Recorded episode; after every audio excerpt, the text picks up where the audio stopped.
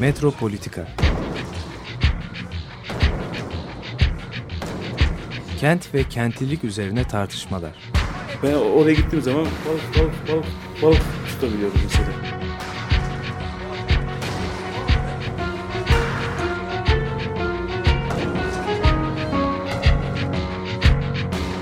Hazırlayıp sunanlar Aysin Türkmen, Korhan Gümüş ve Murat Güvenç. Takusuyor ki. Kolay kolay boşaltamadılar. Yani elektrikçiler terk etmedi Perşembe Pazarı merkezinde. Merhabalar değerli Açık Radyo dinleyicileri. Metropolitika'da Murat Güvenç ve ben Korhan Gümüş birlikteyiz. Ee, Aysim Türkmen şu anda Antalya'da e, hareketli geçen bir Film festivali. film festivali içinde seçilen filmlerden biri. Onun son zamanda yeni yapmış olduğu film de e, şu anda e, gösterimde diyelim. Ancak orası biraz karışık herhalde gelince bize anlatacak. Anlatacak. Evet. Ee, biz geçen hafta e, Kobani ile ilgili bir program yaptık. E, işte bu haftada e, gelişmeler iyice şeyin e, nasıl bunun aslında Türkiye'nin bir meselesi olduğunu gösterdi. Genellikle işte bence vatandaşlık tanımıyla ilgili de bir problem var herhalde. Yani yurt dışında, sınırların dışında mesela Türklere bir şey olunca Türk devleti hemen e, şey oluyor, dikiliyor. Tüyüne dokundurtmayız diyor. Ama Türk dediğinden herhalde anladığı etnik Türk. Evet. Ee, başka yaşayanların akrabaları, kardeşleri olduğu zaman ise seyrediyor. Yani demek ki Türkiye'deki vatandaşlık tanımı henüz daha anayasal vatandaşlık tanımına e, dönüşmemiş. Burada iktidarların yaklaşımı genellikle çok seçici oluyor. Sınırlar koyuyor vatandaşlar arasında. Yani bu parselasyon ulus devletin sınırları aslında coğrafi sınırlar değil. Aynı zamanda topluluklar arasında sınırlar. Niye onlar da Türkiye vatandaşı değil mi yani? Aynı duyarlılığın belki bir kısmı da aynı şekilde insan hakları e, temelinde yaklaşılsa meseleye aslında Türkiye çok farklı bir rol oynar. Yani e, siyasal bir rol oynar, e, silahlı bir rol oynamaya talip olmaktan çok. Evet. Ama bu rolü oynama kabiliyeti yok e, devletin. Başka duvarlar da var. E, tabii yani bir şehrin mesela ortadan ikiye bölünmüş olması bunun zaten bir göstergesi. O sınır boyunca bütün şehirler aslında ikiye bölünmüş vaziyette. Evet. Yani ulus Sanki özel çizilmiş değil mi? Evet ulus devletler böyle birdenbire şey yapıp aslında orta, böldükleri şey şehirler. Yani bunu daha iyi anlıyoruz. Yani Birinci Dünya Savaşı'nın böldüğü e, coğrafya şehirler coğrafyası aslına bakarsak. İstanbul'u da aslında bir bakıma bölüyor. E, nasıl bölüyor? İşte bunun bugün e, şeylerini görüyoruz. Bir kere kompartımanlaşmış bir zihin dünyasına bölüyor her şeyden önce. Uzmanlıklar ve kapalı şey. Yani şehrin rejimi başka türlü, e, siyasetin rejimi başka şekilde gerçekleşiyor. E, bu ikilem belki Roma'dan beri hep var oldu. Belki insanlık tarihi boyunca hep oldu ama ama bir şekilde de bunun e, yarattığı sorunlarla boğuşuyor dünya hala yani bir Evet. bu konuda bir e, yani farkındalık üretmesi neredeyse imkansız gibi. Bu nasıl yapılıyor? İnsan şaşırıyor çünkü bilindiği halde yapılan bir şey. Bile bile. Yani suçlamak için değil ama mesuliyetleri konuşmak için bunu söylemek lazım. Bunları suçlama gibi anlıyor bazı e, siyasetçiler ama aslında mesuliyetlerle ilgili de bir şey var. Kamusal kişiliklerin işte burada ortaya çıkışı, davranış biçimleri, iktidarın işte ikiye ayrılmış yapısı yani bir tarafta teknik bir meseleymiş gibi gösteren yönetim meselesini bir iktidar bloğu var, bir devlet eliti var. Öbür tarafta e, tamamen şeyi bırakan, hani temsil şeyi üzerine kuran, yerine geçen, halkın yerine geçen ve e, e, popülist bir e, şey var. Ferahlık gibi gözüken bir şey var. Bu ikisi aslında birleşip bugünkü iktidarın nüvesini oluşturuyorlar. Yani mayasını oluşturuyorlar. Bu şekillerde e, başka şekillerde ortaya çıkıyor ama çatışmacı bir e, şey e, coğrafya içinde yaşıyoruz bu yüzden Evet. sürekli. Bunu bu konuda ne, şey, ne diyebiliriz? Yani şimdi bu ulus devletlerin kuruluşundan, tarihinden bahsettin. Sınırlardan bahsettin.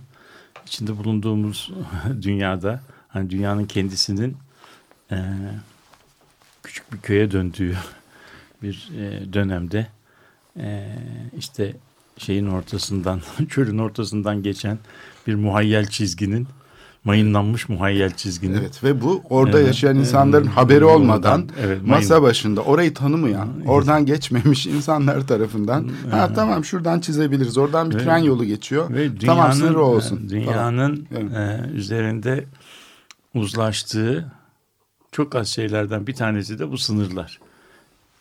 Yani şimdi mesela bunun bunun kökenine doğru gittiğimiz zaman, bunun kökenine doğru gittiğimiz zaman çok ilginç şeyler buluyoruz. Bu tabii sınırlar e, sınır her zaman var. Yani alanların bir sınırı, egemenlik sınırı ama bu ulus devletin sınırı aslında bize şeyden geliyor. Vesfalya e, barışından yani o ve yüzyıllar, yüzyıl savaşının işte sonunda Avrupalıların yani Protestan Katolik savaşının sonunda e, üzerinde uzlaşılan bir şey. Bu sınır meselesi. Egemenlik alanlarını Ve egemen, egemen. tanımlıyorlar. Ha, Şimdi, Evet. şimdi ama bak burada burada o egemenlik alanının tanımlanmasının e, bir arkasında başka incelikler var. Bir tanesi şu. E, egemenlik alanı ile beraber e, iç işlerine karışmama gibi bir e, ilke şey yapılıyor. İç işlerine karışmama e, ilkesi aynı zamanda her e, şeyin muktedirin kendi tanımlanmış alanı içinde aklına estiği gibi insan haklarının gelişmediği bir dönemde şiddet uygulayabileceği anlamına geliyor. O şiddet uygulanabilecek alanların ise uluslararası topluluk tarafından e, tanınması gerekiyor. Yani şiddetin e, şiddetin şey gözükebilmesi için e, meşru olabilmesi için şiddet uygulanacak alanın uluslararası e, camia tarafından e, tanınması gerekiyor. Tanınmamış e, alanlara şey denmiyor. E, ulus devlet denmiyor. Onlar e, işte haydut devlet deniyor veya işte oluşum deniyor. Fakat sonunda uluslararası topluluk tarafından tanınmadığı sürece o onun bir meşruiyeti olmuyor oradaki şiddetin. Anladın mı? Yani o zaman o insanların oraya baş kaldırma hakkı, başkalarının o, o toprağa ilhak etme hakkı filan da tanınmış oluyor. Yani bu çok incelikli bir iş bu e, ulus devletlerin e, sınırları. Bugün gelmeden önce e, Hatay'dan bir manzara e, gördüm. E, pek çok kişi belki dinleyicilerimiz de görmüşlerdir. Şimdi kepçelerle sınır kazılıyor. Yani sınır boydan boya kazılıyor ve kazılan şeyin altından e, Türkiye ile e, Suriye ar- toprakları arasında sayısız belki onlarca yüzlerce e, boru hattı çıkıyor.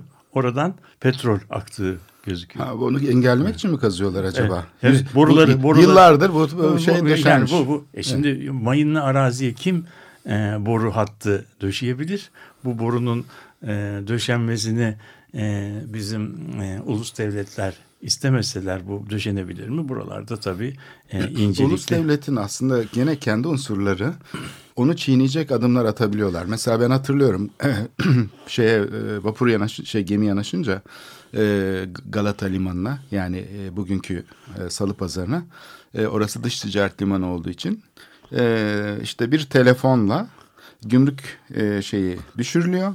Gemi kalktıktan sonra yükseltiliyor. Mesela, o Mesela- da boru döşemek gibi bir şey. Şey, tabii. Gelen şey diyelim ki hani o sırada neyse beyaz eşya mı, buzdolabı Bun- mı, bunlar, pirinç bunlar mi? olabilecek şeyler. Evet. Yani bunlar işte şehir şehir zaten bütün bu birbirinin üzerine binmiş olan ilişki ağlarının e, kontrol edildiği bir yer. Onun için e, 20. yüzyılda hala e, şehirleri düşürmek, ele geçirmek e, önemli. Çünkü şehirler bu ilişki ağlarının birbirinin üzerine bindiği ve en kolay kontrol edildiği yerler haline geliyor.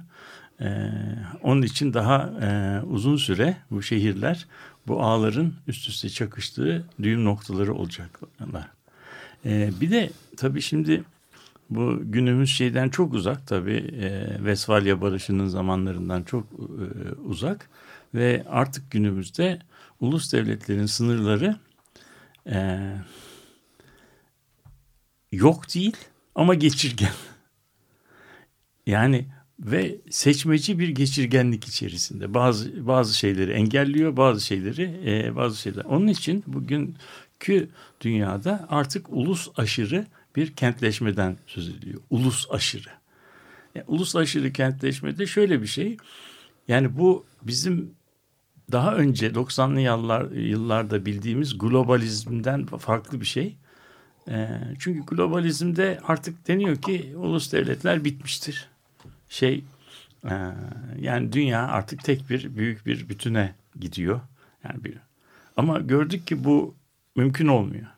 Yani bu çünkü olabilmesi için bir dünya devletinin kurulması lazım ve yerel otoritenin yeni baştan tanımlanması lazım. Bu dünyanın bütünüyle bir uzun e, tabii e, güç savaşına girmesi lazım. Bu böyle bir savaşı kimse kısa vadede e, göze alamadığı için eski sınırları yeni sisteme uydurma e, yoluna gidiliyor. Buna da ulus aşırı e, ulus aşırı e, kentleşme deniyor. Bugünkü büyük kentler İstanbul'da bunun dahili aslında herkes herkes bir ulus aşırı ilişki sistemi içerisinde. Yani biliyoruz ki işte İsveç'teki göçmenlerin büyük bir kısmı Kulu'dan gitmişler. Afyon'un Emirdağ'ı e, Brüksel'de. Brüksel'de. E, bunun gibi işte Porto Rikolular e, New York'ta, Karibinler e, şeyde Londra'da filan. Yani bu küreselleşme öyle kafasına göre olmuyor birincisi.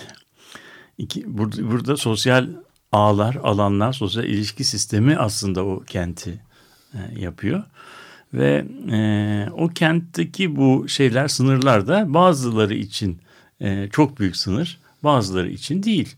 Yani bugün elinde Schengen vizesi olan adam uçağa biniyor. 3 saat içinde Avrupa'nın herhangi bir yerine erişebiliyor. Ama o vizeye sahip olmayan, sahip olması imkansız olan göçmenler de Akdeniz'in fırtınaları içerisinde boğulup gidiyorlar. Yani ne kadar büyük bir fark var değil mi? Yani aslında buradaki niyetler farklı olabilir ama sonuçta yapılan şey aynı. Aynı. Aynı. Bir yerden bir yere gitmek. Gitmek. Birisi için 3 e, saatlik bir mesele. Birisi evet. için işte 10 bin dolar para ödüyor. Ee, hayatın bu biriktirdiği parayı çoluğunu çocuğunu kaybediyor. kaybediyor falan korkunç şeyler oluyor. Yani ve gittiği yerde de gittiği yerde de kendisini bekleyen şey büyük bir belirsizlik. Acaba oturma iznine sahip olabilecek mi? Kaç yıl korkular içerisinde Köleler yaşayacak gibi... yaşayacak sigortası olabilecek mi? Geri dönebilecek mi? Ne kadar para biriktirebilecek? Bunların hepsi e, şey hepsi büyük e, şeyler e, muammalar içerisinde. Yani içinde bulunduğumuz bu şey içerisinde son olarak da onu söyleyeyim. E, bunun bir şey kısmı var. Yani bir sosyal kısmı var. Bir ekonomik kısmı var. Ekonomik kısmına baktığımız zaman da bu göçler aslında ekonomiyle birebir ilişkili e, şeyler. Bu hareketlilik. Yani mesela geçen gün Türkiye'de e, Odalar Birliği Başkanı'nın bir açıklamasını dinledim. Diyor ki memleketimize bir buçuk milyon e, göçmen geldi işte mülteci geldi, sığınmacı geldi. Bunların hepsi çok e, fakir durumda insanlar değil. Bunların içerisinde doktorlar, mühendisler, teknisyenler yani iş pazarına katılabilecek insanlar var. Biz bunu ekonomimiz için değerlendirmeliyiz. Yani bu insanların statüsünü tanımalıyız ve onları onları ekonomi şimdi burada yanlış bir şey söylenmiyor ama görüyoruz ki bu hareketler aynı zamanda e, iktisadi bir e, anlam içeriyor ve her hareketin içerisinde bir sınıfsal farklılaşma var. En azından katmanlaşma var. Bir üst kademe göçmenleri var ki bunu başka fırsatlarda da konuşmuştuk. Doktorlar, mühendisler, bankacılar, bir de çok alt kademede değerlendirilebilecek iş pazarının en küçük e, en istenmeyen işlerini yapmaya hazır olan insanlar var. Bir de harcı alem herkesin yapabileceği işler var. Yani sonuçta bu şey iktisaden de bu ulus aşırı şey kentleşme kentlerin ayak izini ulus sınırlarının dışına çıkarıyor. Yani İstanbul bugün işte görüyoruz saat satan e, Afrikalı e, göçmenler var. Ondan sonra e, bazı Balkan ülkelerinden gelip Ege tarlalarında e, tarım işçisi olan olarak çalışanlar var. Yani bir büyük e, göçle ilgili emek pazarı var. Üçüncüsü de devletle ilgili senin söylediğin kısım var. Onlar da bu yani ulus aşırı göçmenler konusunda bir yerel, kültürel ve devlet diasporaları kuruluyor. Devlet diasporaları denildiği zaman bazı devletler kendi cemaatleri, kendilerinin cemaat başka ülkelerdeki kendi e, şeylerini, e, kendi problemlerini çözmek için bir baskı aracı, bir şey, lobi e, olarak kullanıyorlar. Yani bunu yapan sadece Türkler değil ama şeyle Hint, Hintliler, Avustralyalılar, İrlandalılar yani kendi e, göçmenlerinin başka ülkelerindeki e, güçlerinden yararlanıyorlar. Yani bu diaspora meselesi hem kültürel, etnik düzeyde hem de ulus devlet politikası e, açısından önem kazanıyor. Yani gördüğümüz gibi bugün bir e, bugünkü şehirler aynı dünyada aynı yerlerinde ama çok daha farklı ilişki sistemleri içerisinde yaşıyorlar. Yani İstanbul hep aynı enlem boylam şeyinde aynı e, coğrafi lokasyonda ama bugün herhalde 1950'lerde 1900'lerin başında 1800'lerin başından çok daha farklı ilişki sistemleri içerisinde e, yaşıyor. Yani İstanbul'un ayak izi bugün artık ekonomik, siyasi ve sosyal ayak izi Türkiye sınırlarıyla şey sınırlanmayacak derecede büyük bir şey. Peki burada bir soru e, aklıma ge geliyor benim hemen. İşte dün akşam televizyonu açtığım zaman yani şehirlerin meydanı hakkında bir görüntü sahibi oluyoruz. Şehirlerin meydanı protestoların yapılabildiği olmakla yerler olmaktan çıktı. Yani polis şiddet uyguluyor mesela. Hı. Yani vatandaşın ne yaptığını bir tarafa koyalım. Yani doğrudan doğruya polis mesela gösteri yapan insanlara karşı hemen e, seçtiği zaman, istediği zaman. istediği zaman. Ama genellikle yani artık mesela ben Taksim'de gösteri yapılamaz hale geldiğini görüyorum. Yani Tabii çok yapılamaz. Yani. E, yapılamaz hale geldi. Çünkü oraya işte biz bir şey için 3-5 kişi çıktık. Hemen arkamızdan 300 kişi koştu yani yakalamak için bizi. Yani biz gayet basit dünya çevre günü falan gibi bir şeydi yani yürüyüş şeyi elinde pankartla 3 kişi yürüse 300 kişi hemen yakalamak için koşuyor. Evet. evet. Şimdi e, çünkü bırakmıyor e, başka bir alternatife e, alan. Yani Hı. işte bu insanlar da demokratik görüşlerini e, dile getiriyorlar. E, otursunlar, konuşsunlar falan denemeyecek bir kılganlık kazandı ulus evet. devlet siyasetleri. Yani bir evet. gösteri neredeyse yıkacakmış gibi evet. devleti gözükmeye başladı. E çünkü bu çok e, şeysiz e, birbiriyle çok e, bağlantılı dünyada bir yerdeki gösteri aynı zamanda bütün dünyanın bütün yemek odalarındaki bütün televizyonların misafiri olmaya çalışıyor. Yani lokal e, olarak kalsa sadece lokal e, izleyicilere yönelik bir şey olarak olsa tepki bu kadar büyük olmazdı. Ama bu yani ağlar üzerinden birbirine bağlanmış bir dünyada hele bunun üzerine sosyal medyayı da e, eklersek küçük halkın telefonlarına çektiği küçük videoların da işte bu webler üzerinde, bu ağlar üzerinde bir anda e, dolaşabildiğini gördüğümüz zaman artık dünyanın e, herhangi bir yerindeki en küçük e, toplantı, en küçük e, olay bir anda bir küresel e, anlam kazanabiliyor. O yüzden e, artık nasıl şehirlerin dünya jeopolitiğindeki e, yerleri sürekli değişiyorsa Aynı zamanda şehir elemanlarının, meydanların, sokakların, şeylerinde e, bu siyasi anlamları, önemleri o değişiyor birden. O zaman işte bu, e, değişiklik aynı zamanda ulus devletin aslında hakimiyet biçiminin de değiştiğini ya da dönüşmekte olduğunu gösteriyor. Çünkü ulus devlet o bildiğimiz e, kutuplaştırıcı rejimiyle sınıfsal çelişkiyi örtemez hale gelmiş durumda. Yani ulus devletin programı kendi içinde e, işte bir takım şeyler içerebilir. Kutuplaşmalar. Evet. Ama sistem bununla zorlanmaz. Sistem kendini yeniden üretir bu kutuplaşmalarla Hı. genellikle. Oysa ki şimdiki durum bir alt üst olma, bir işte, e, işte, dağılma, işte, çözülme he. durumu gibi. İşte ben belki bu noktada e, senin söylediğine esas itibariyle katılmakla beraber bazı şeyler, e, e, bazı efendim nasıl söyleyeyim e, ihtiyati notlar, rezerv notları koymak e, ihtiyacındayım buna.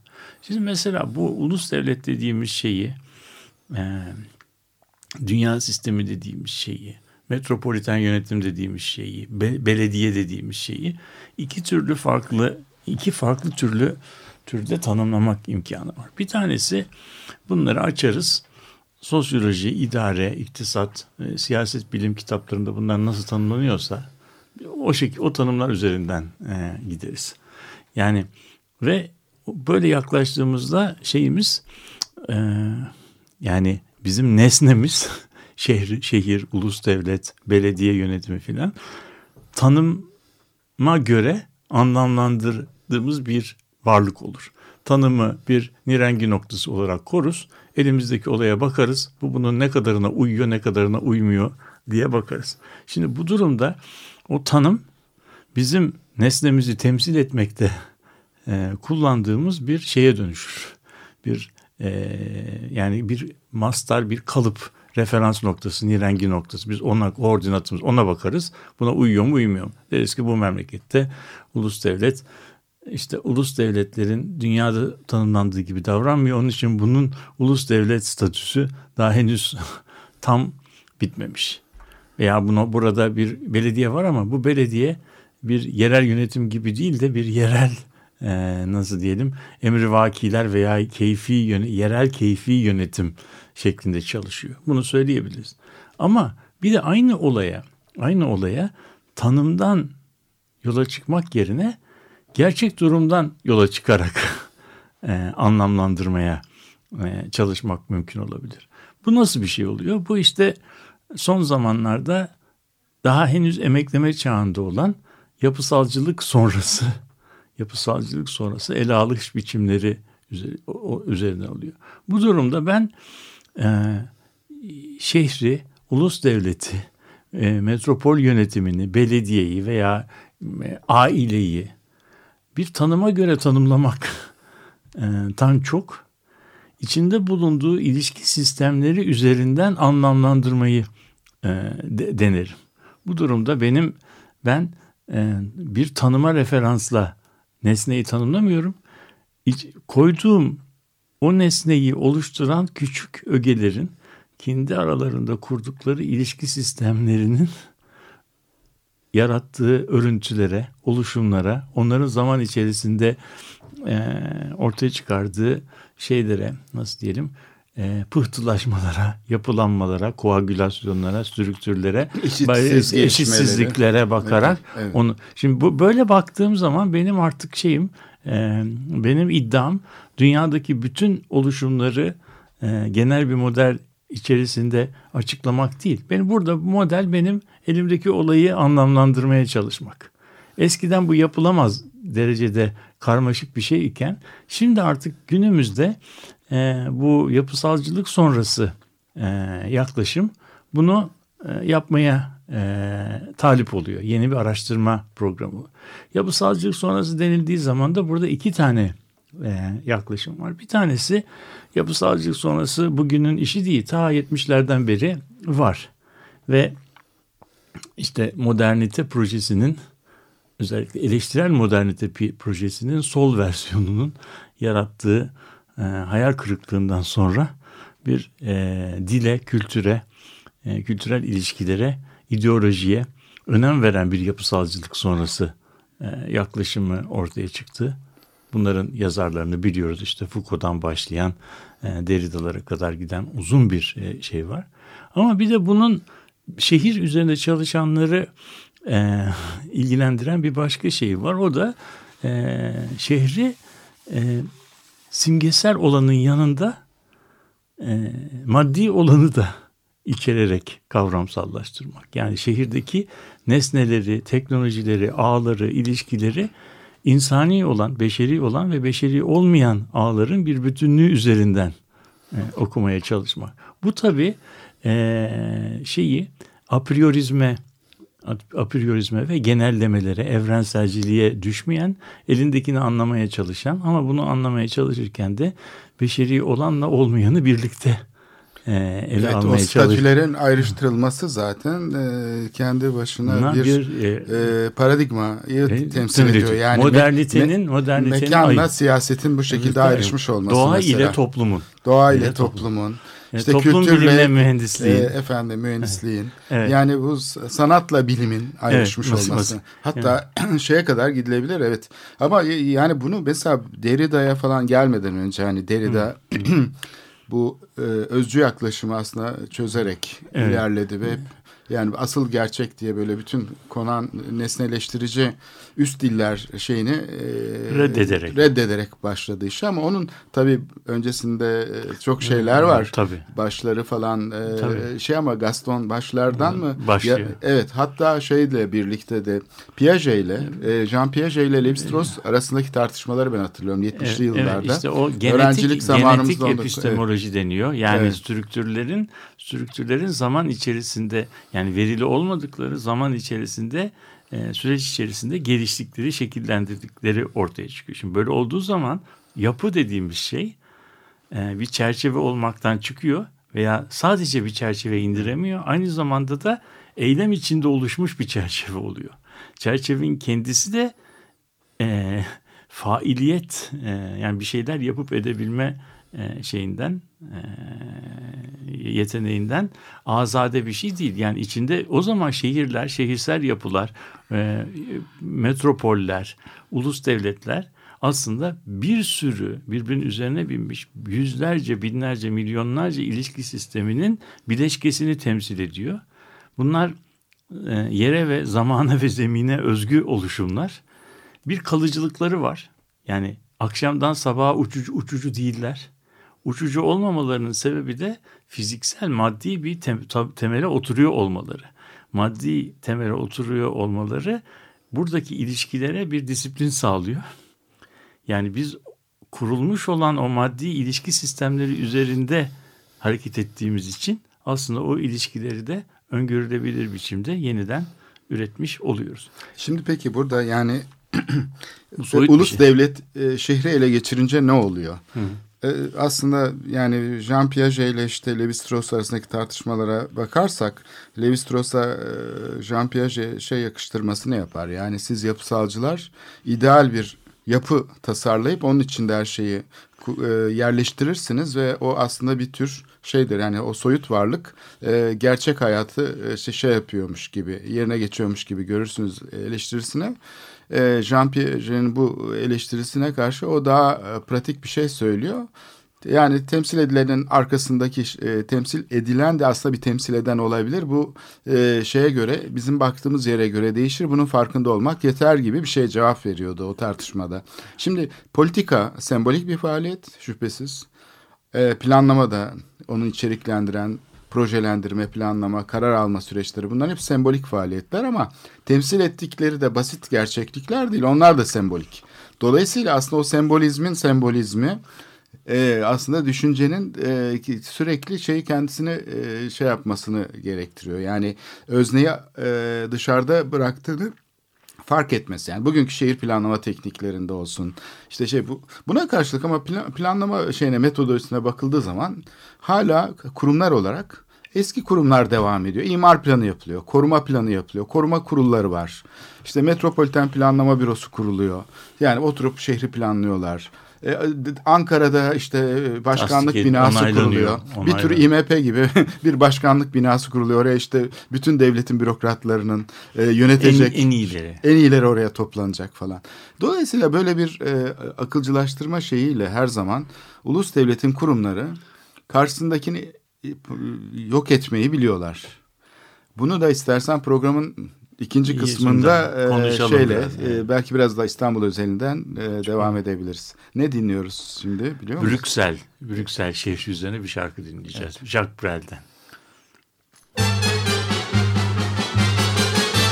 C'était au temps où Bruxelles rêvait, c'était au temps du cinéma muet, c'était au temps où Bruxelles chantait, c'était au temps où Bruxelles bruxelait. Place de Brucaire, on voyait des vitrines.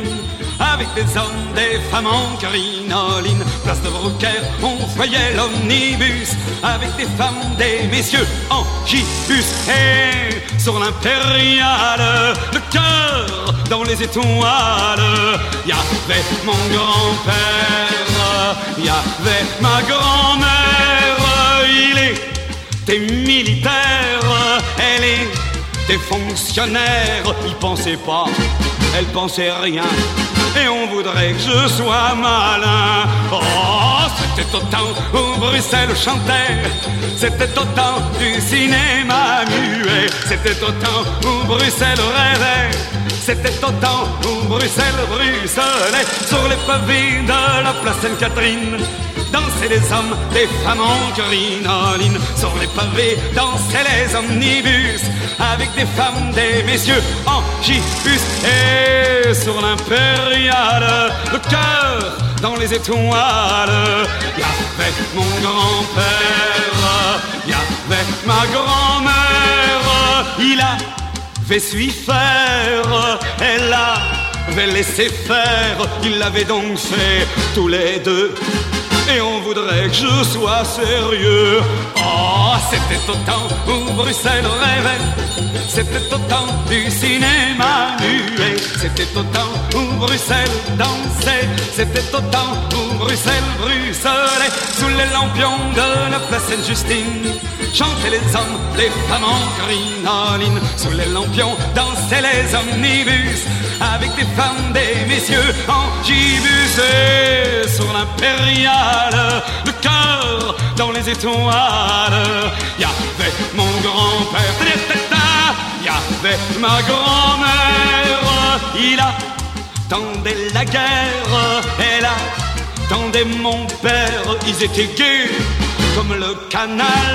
Et on voudrait j'ai le moral. Oh, c'était temps où Bruxelles rêvait, c'était temps du cinéma muet, temps Bruxelles chantait, au temps Bruxelles bruxelles.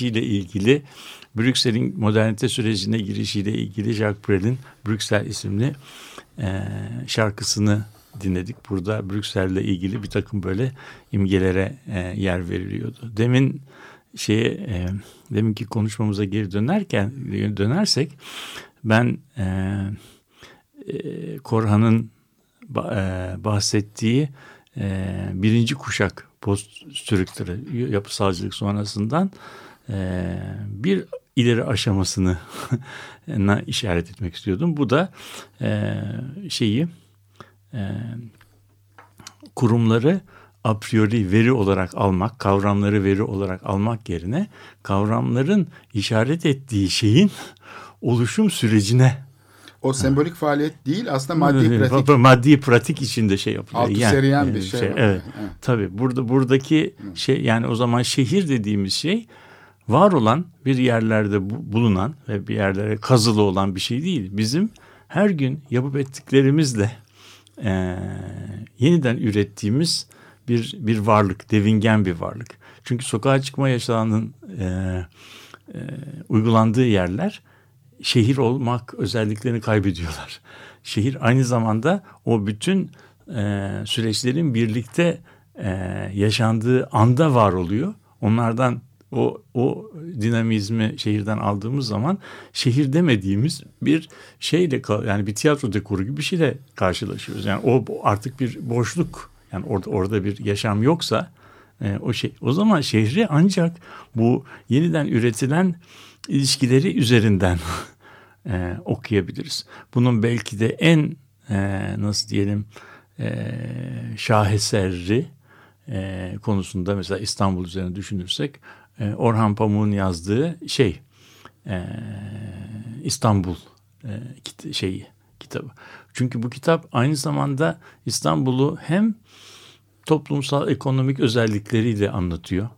1970'lerin 60'ların sonundaki İstanbul'u görüyoruz. Aynı zamanda bunun içerisinde deneyimlenen kişisel deneyimleri görüyoruz. Bunun içerisindeki simgesellikleri de görüyoruz. Yani hüzün kavramı üzerinden geçmişin ihtişamının bir daha gelemeyeceğini işaret etmesiyle ilgili olarak. Yani şimdi bu o zaman bu e, şehir bütün bunların bileşkisi olarak bizim aktivitelerimiz e, üzerinden yeniden e, kuruluyor.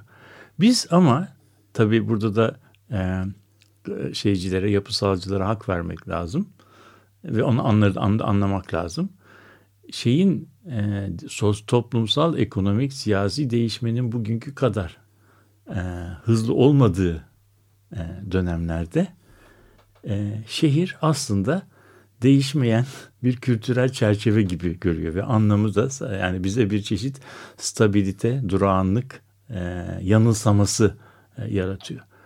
E, ve mesela e, bu yanılsamada bu yanılsamaya düşmek çok e, çok kolay. Çünkü ben mesela Kuzey İtalya'da e, Vicenza diye bir şehri ziyaret ettim. E, Kuzey İtalya'da Venedik yakınlarında. E, şehirde 1600'lerin başında 1500'lerin sonunda bir gelişme yapılmış. Bir sokağa bir uzantı yapılmış. Ondan sonra orada durmuş. O uzantı hala duruyor. Onun üzerine yeni bir bina, yeni bir sokak eklenmemiş. Öyle eklendiği gibi orada durmuş. Bir daha da başka ihtiyaç durmamışlar ve o sokak o sokak 1500 bilmem 80 yılında yapıldığı gibi günümüze aynen taşınmış. E burada muazzam bir tabii bir stabilite e, şeyi var. E, Kuzey İtalya şehirlerinin büyük bir kısmında da şehrin nerede bittiği, şeyin kırın nerede başladığı, surun nerede, kapının nerede olduğu apaçık ortada. E, o yüzden böyle toplumsal dinamizmin bugünkü kadar böyle çalkantılı olmadığı dönemlerde şehirlerin, kurumların böyle bir değişmezlik, e, yani bir stabilite e, yanılsaması yaratmaları son derece e, doğal. Tabii böyle bir stabil, böyle bir çerçevede yaşıyorsan o zaman problem bunun nasıl değişebileceği konusunda düşünmek. Öbür türlüsünü alırsan, şehri sürekli dinamizmler üzerinden ele alırsan, o zaman da elinde böyle kaotik, kakofonik bir e, değişiklikler, bir süreçler bütününden başka bir şey kalmıyor.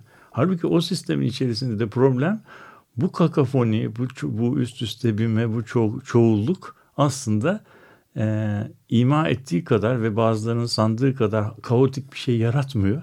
Tersine bu sistem kendini e, tekrarlayan örüntüler üzerinden bir takım stabilizasyon emareleri gösteriyor. Bu aslında e, şey içinde süreklilik içerisinde yani değişim içerisinde bir kalıcılık veya geçici kalıcılık diyebileceğimiz bir bir kavrama götürüyor. Burada da e, şey David Harvey permanans diye bir e, kavram gösteriyor, kullanıyor yani bunu anlatmak için.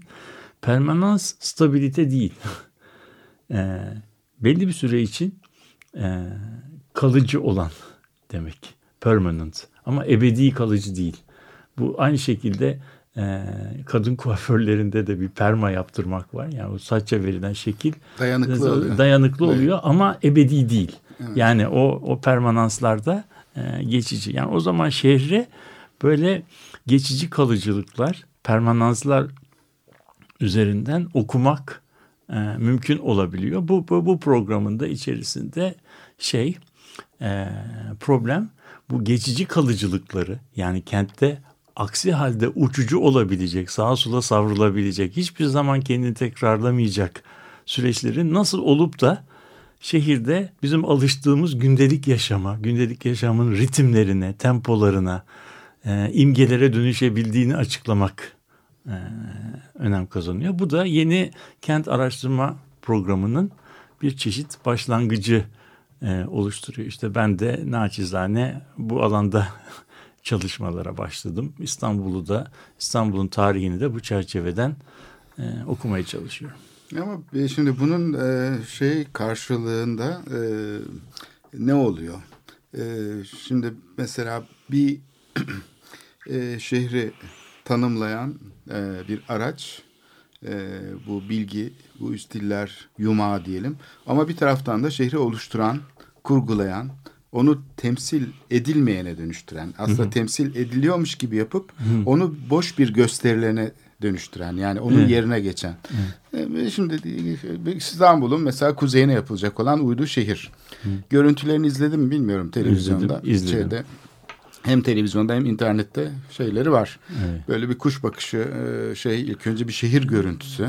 Evet. Sanki tek defada tasarlanmamış da zaman içinde büyümüş oluş, gibi. Büyümüş gibi.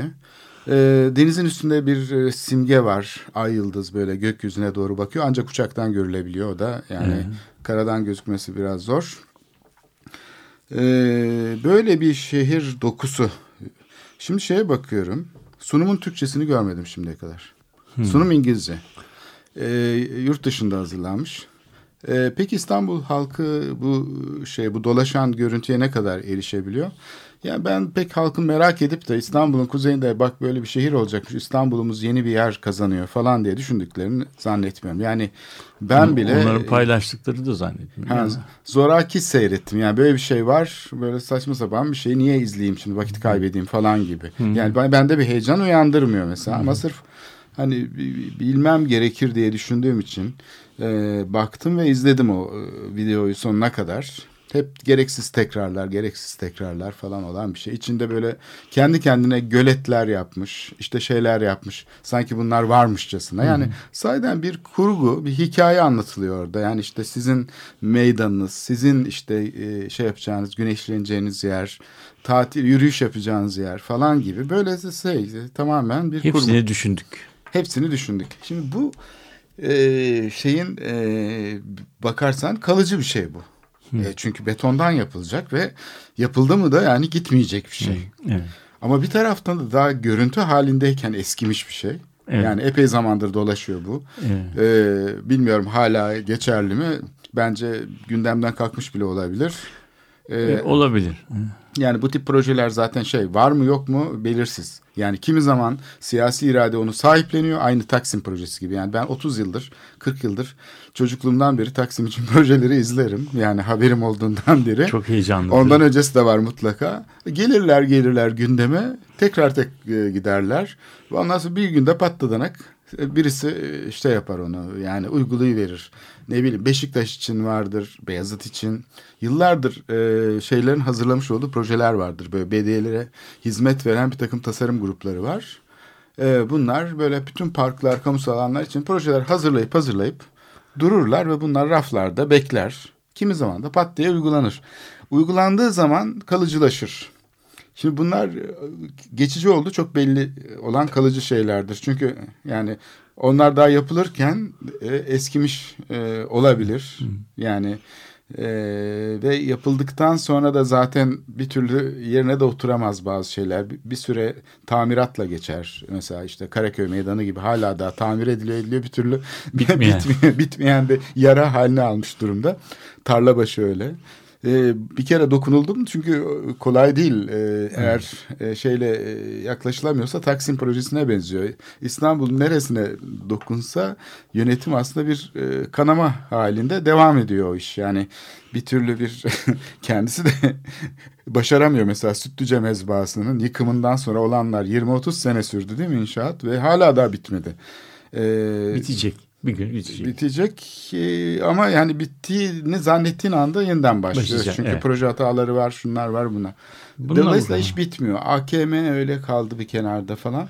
Şimdi Bunu burada- nasıl, bunu Ha, nasıl şey? Burada demek ki bir şey var. Yani bizim kalıcı zannettiğimiz her şey uçucu aslında. Tabii tabii. Şimdi o, o, nok- o noktada senin söylediğin iki tane iki noktada e, itiraz demeyeceğim de açıklık getirmem lazım. Bir tanesi benim demin e, kurduğum çerçeve geleceğin kurulmasıyla ilgili olmaktan çok bugünkü yapının yani bugünkü kent dediğimiz şeyin Anlaşılması. e, anlaşılmasıyla ilgili. Gelecek kısmına da bu ilgilenebilir, e, uyarlanabilir ama e, onu o konuda biraz daha e, ihtiyatlı davranmak lazım. Hemen oraya sıçramamak lazım. Önce bu geçmişi e, okumakta. Yani bu geçmişi okumak dediğimiz zaman böyle çok büyük laflar, e, büyük e, kavramlar e, kullanmak yerine mesela şehirdeki gündelik yaşamın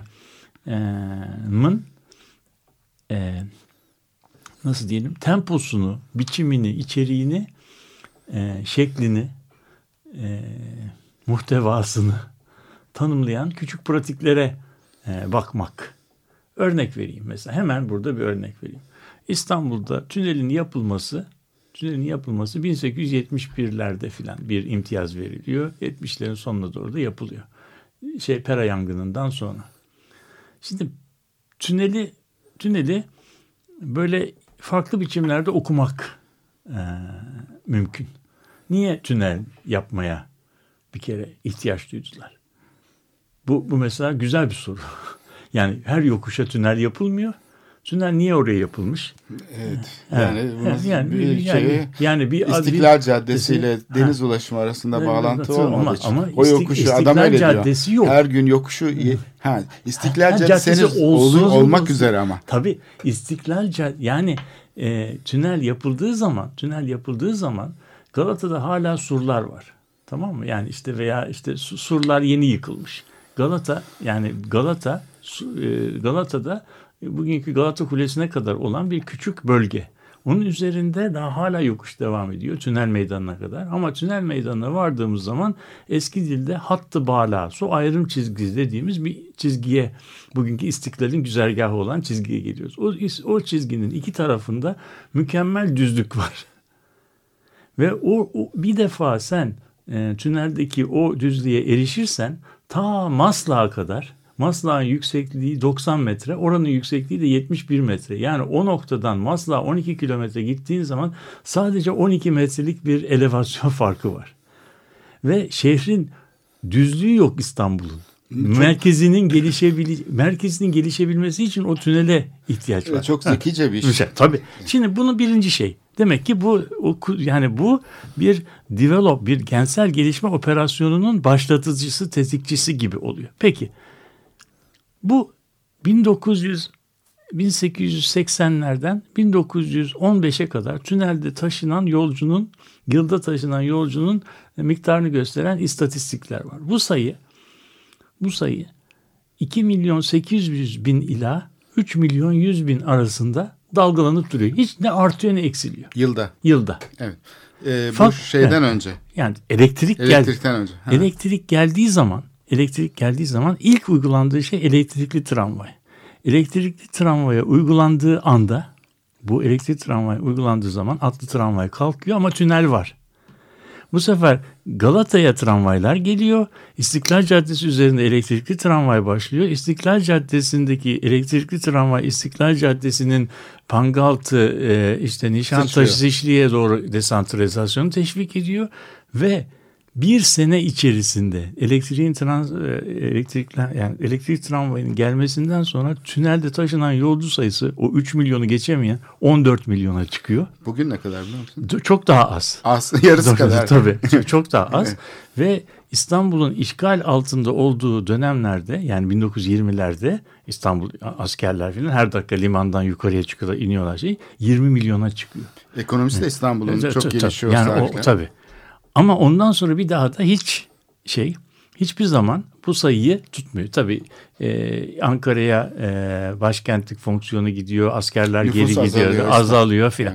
Ama söylemek istediğim işte İstiklal Caddesi'nin nasıl diyelim e, o nostaljik özlenen günleri böylesine tekil bir bağlamda oluşuyor. Yani İstiklal Caddesi İstiklal Caddesi olduğu için e, o özellikleri taşıdığı için veya o zamanlarda insanlar daha kültürlü oldukları için İstiklal Caddesi onu yani İstiklal Caddesi'nin arkasına girdiğimiz zaman bu tür ağları, ilişkileri, maddi bağlantıları e, görebiliyoruz ve yani bizim şehirsel yapı dediğimiz pek çok şey aslında küçük küçük mikro pratiklerin şekillendirdiği oluşumlar şeklinde okunabiliyor.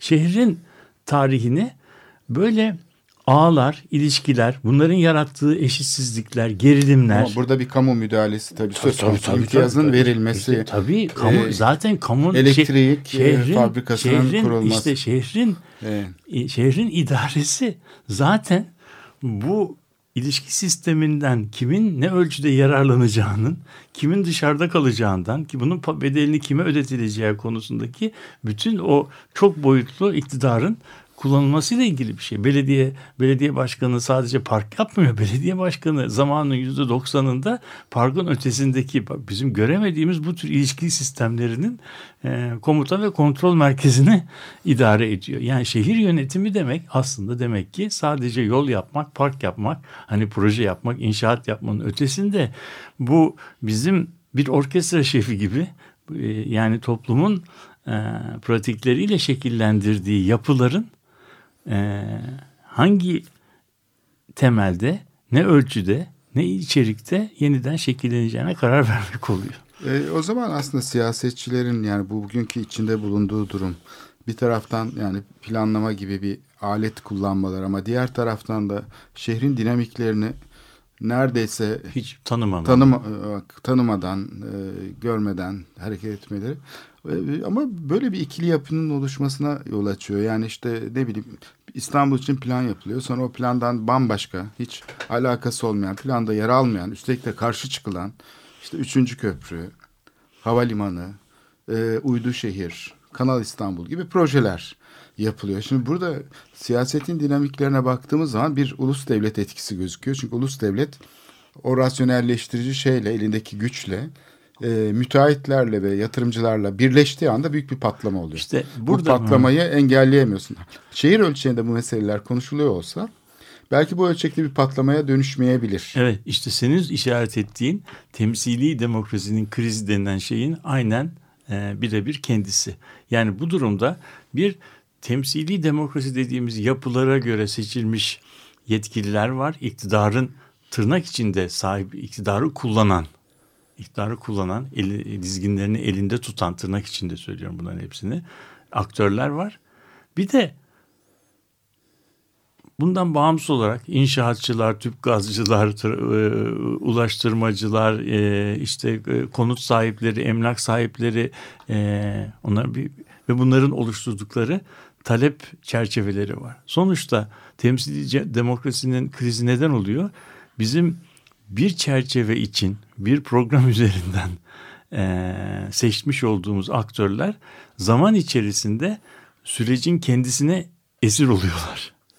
Bunu bunu bilme. O sürecin kendisine esir oldukları için o zaman deniyor ki işte Amerika Birleşik Devletleri'ni lobiler idare ediyor. İşte evet evet bu İşte gözle şey- şey- görülen bir gö- şey. gözle- şehir şehirdeki şehirdeki süreçleri de kim idare ediyor? Şehirdeki süreçleri de e, büyüme koalisyonları denen işte e, yani Siyasetçi, şehirde si- si- siyas- e, yani siyasetçi sermaye sonrası. E, işbirliğiyle ortaya çıkan dinamikler. Yani Bunu mesela, mesela bu durumda bu durumda yeni bir aktör olarak şehir kullanıcıları denen sınıf ortaya çıkıyor. Şehir kullanıcıları demek şehre gelip giden sürekli yani gelen turistler. Mesela bugün İstanbul'un nüfusu 15 milyon olsa İstanbul'da her gün aşağı yukarı 300 bin e, turist olsa işte İstanbul'da demek ki yılda aşağı yukarı 90 milyon turist bir şey cirosu yapılıyor.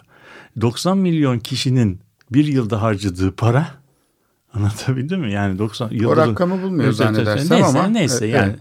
Yani 200 bin kişi olmasa bile e, bu İstanbul'un şeylerinden daha yani ikamet eden sakinlerinden daha fazla dikkate alınmalarına e, şey yapıyor. İşte bu Galata portlar ve buradaki problemler bu şehir kullanıcılarının e, siyasi önemini Son gösteriyor. olarak şeyle de bi- bitirelim istersen programı. Ee, bu kuzeye yapılacak üçüncü köprü ve havalimanı projesi aslında iktidarın projesi olarak bugün ortaya çıkmış gibi gözüküyor ama Aslında o 2000'li koalisyonun. 2000'li yıllarda e, bu proje gündeme gelmiş olduğunda henüz daha iktidar bu projeye hazım edebilecek şeyde Belki de değildi. muhalifti. E, muhalifti, reddediyordu.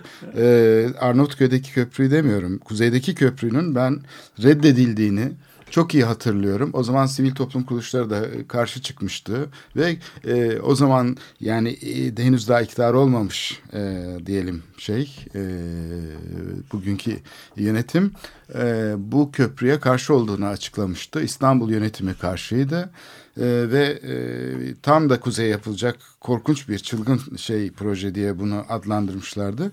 Dolayısıyla bu 10 senede 15 senede bir hazım süresi Var. gerçekleşti. Hayır bu da işte demek ki redler ebedi değilmiş. Evet yani görüşler de bu şekilde değişiyor. Değişebiliyormuş.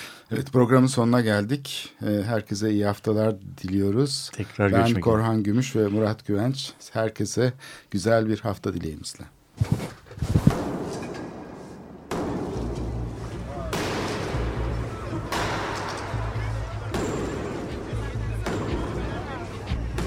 Metropolitika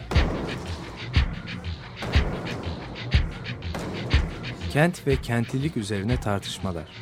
Ben oraya gittiğim zaman balık balık balık balık tutabiliyorum mesela.